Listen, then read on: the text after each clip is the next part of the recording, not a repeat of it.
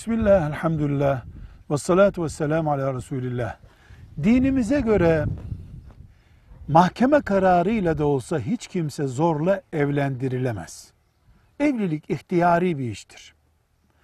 Dolayısıyla anne ve baba filanca gelin adayı, filanca damat adayı kaçmasın gibi bir gerekçeyle veya başka bir maddi manevi gerekçeyle kızını da oğlunu da muayyen bir şahısla evlenmeye zorlayamazlar.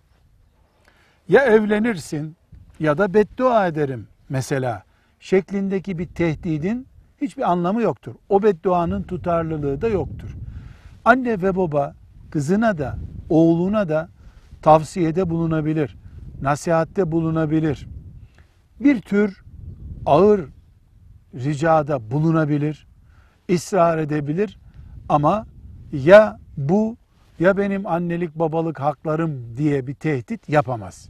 Yapınca bu tehdidin Allah katında değeri olmaz. Evlilik muhakkak kız çocuğunun da erkek çocuğunun da gönül rızası ile olmalıdır. Şeriatımızın kuralı budur. Velhamdülillahi Rabbil Alemin.